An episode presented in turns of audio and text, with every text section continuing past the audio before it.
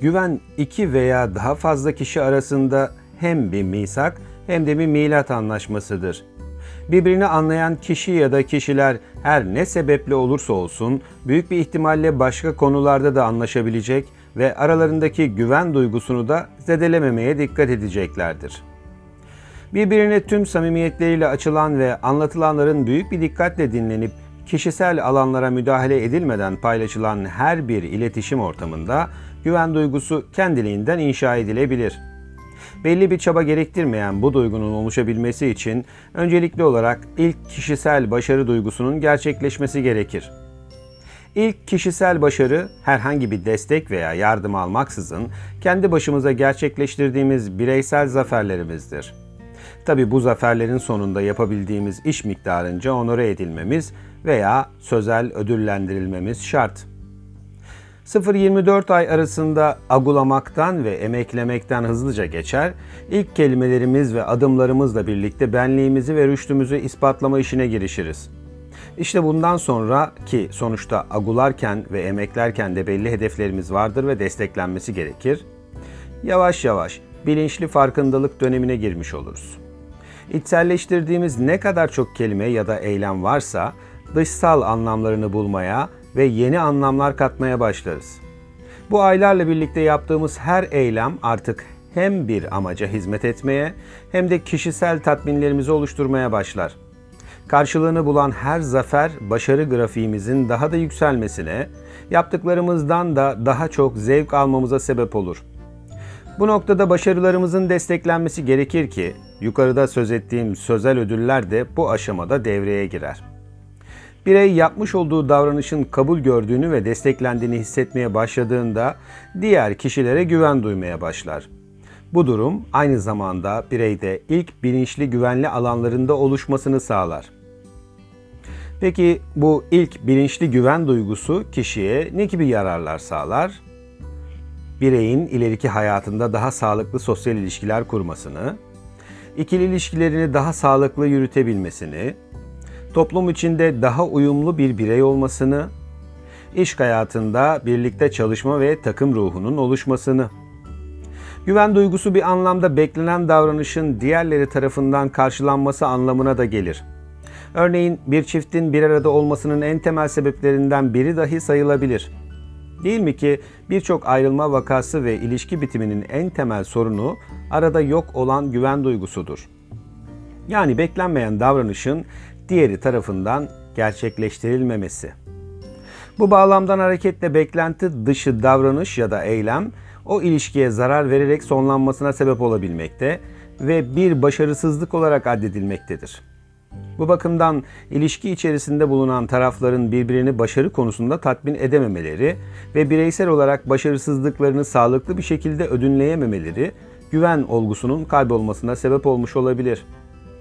Bir başka örnek daha vermek gerekirse, ilk öğrenim yıllarında yukarıda bahsi konu olan ilk kişisel başarılar ve güven duygusunu kazanamamış bir bireyin okul yıllarının ilk evresinde arkadaşlarıyla ve öğretmenleriyle ilişkisi de öncelikli olarak güvensizlik üzerine kurulacaktır. Başlarda sağlıklı bir dünya algısı kazanamayan kişilerin sonrasında aynı dünyaya tek başlarına adım attıklarında tedirgin olması kaçınılmaz bir gerçek gibi görünmekte.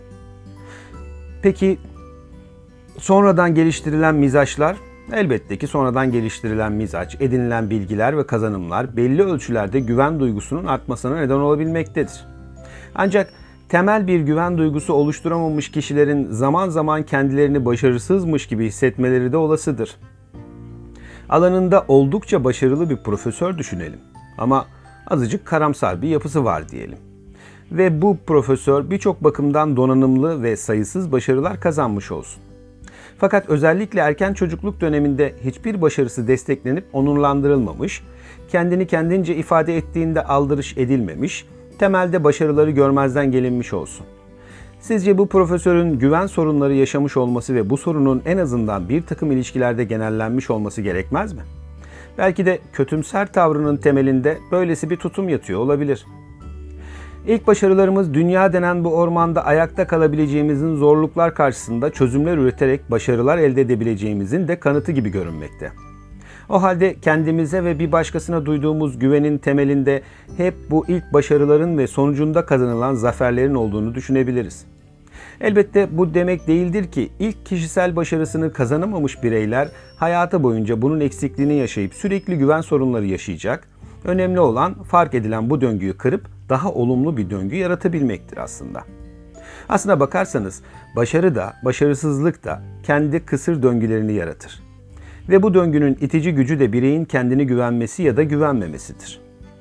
Gelin isterseniz bu döngüler neleri tetikliyor biraz daha yakından bakalım ve önce olumlu yani başarı etmeninin yaratmış olduğu fasit yani kısır daireler nasıl oluşuyor görelim.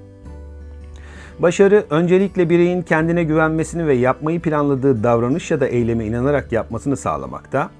Bu inanç gerçekleşen edimin olumlu olmasını, herhangi bir sorun karşısında çözüm yollarının daha sağlıklı bulunmasını, elde edilen güvenle birlikte daha yenilikçi ve rasyonel düşünülmesini, başarma yolunda kişinin kendini daha net ifade edebilmesini, her başarılı eylemin ardından sağlıklı yeni hedefler oluşturabilmeyi ve güven duygusunun daha üst düzeyde pekiştirilmesini sağlar.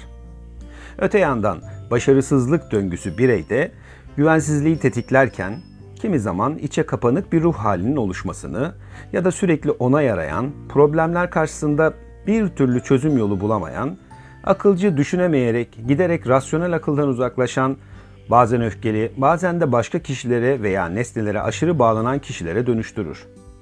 Hayatlarını tıpkı daha önceki profesör örneğinde olduğu gibi daha kötümser ya da edilgen bir hale dönüştüren bu durumlar, çevrede bulunan diğer kişileri, nesneleri birer tehditmiş gibi algılatabilir ve giderek uzlaşmasız, anlaşılması zor bir insana çevirebilir. Tabi her başarısız girişimin güven duygusunun da oranını düşüreceğini ve kişiyi olumsuz bir döngünün içine hapsedeceğini de unutmamak gerekir. Henry Ford'un dediği gibi bir işi yapabileceğinizi düşünseniz de, yapamayacağınızı düşünseniz de her seferinde haklı çıkan siz olursunuz.''